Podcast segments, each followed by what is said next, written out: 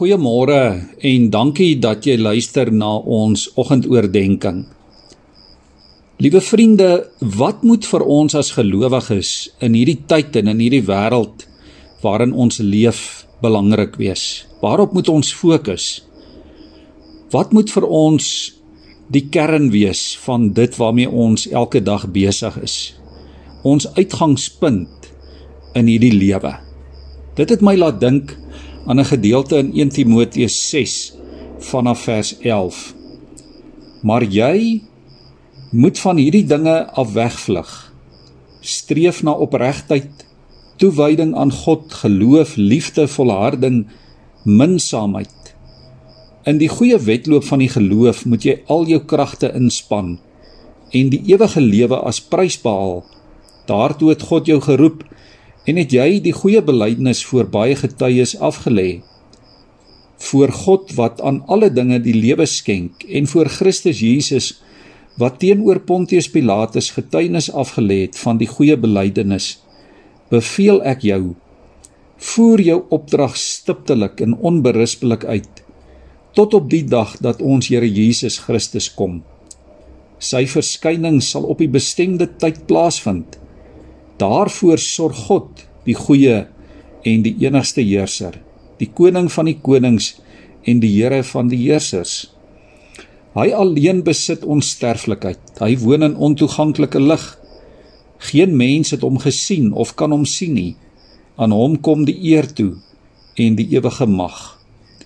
Die wat in hierdie wêreld ryk is, moet jy waarsku om nie hooghartig te wees nie. Hulle moenie hulle hoop op die onsekerheid van rykdom vestig nie, maar op God wat alles ryklik aan ons gee om te geniet. Spoor hulle aan om goed te doen, om ryk te wees in goeie dade, vrygewig en mededeelsaam.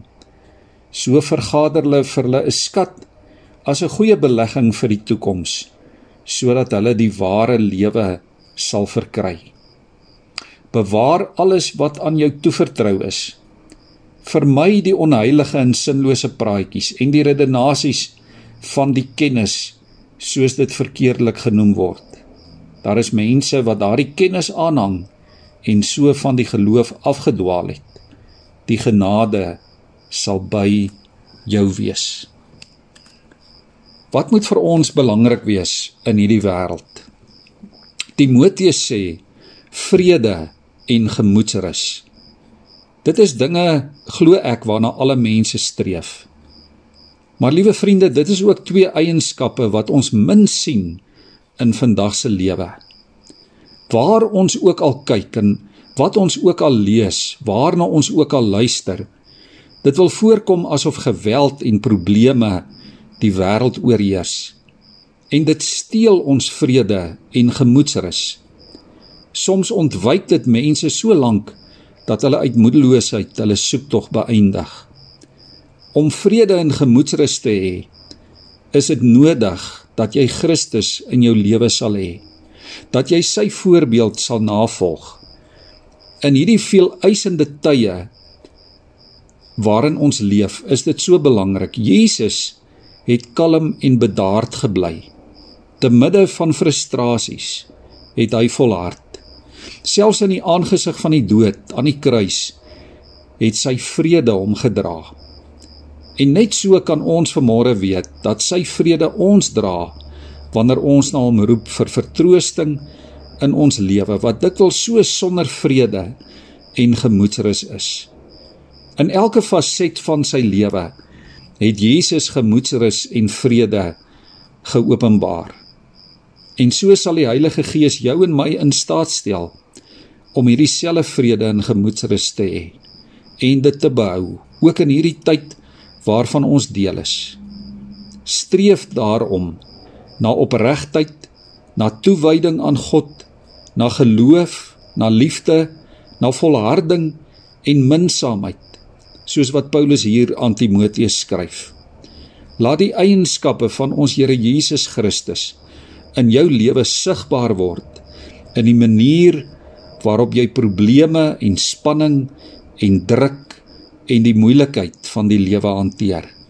Tree so op dat jou lewe bewys is van die feit dat Jesus se vrede en sy gemoedsrus 'n deel van jou lewe is.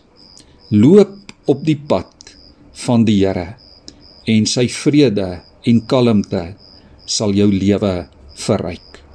Kom ons bid saam. Ons hemelse Vader, dit is ons gebed vir môre in hierdie Kersfeestyd dat U aan ons die genade sal gee om Jesus se voorbeeld te volg. Here, laat ons in vrede en met gemoedsrus lewe. Ook in hierdie tyd en wêreld waarvan ons deel is, maak ons draers van U ewige vrede. Die vrede wat U kom aankondig het, wat U kom bekendstel het in hierdie wêreld waarvan ons deel is. Laat U vrede ons lewe beheer. Kom heers oor ons, Here. U die vredevors. Amen.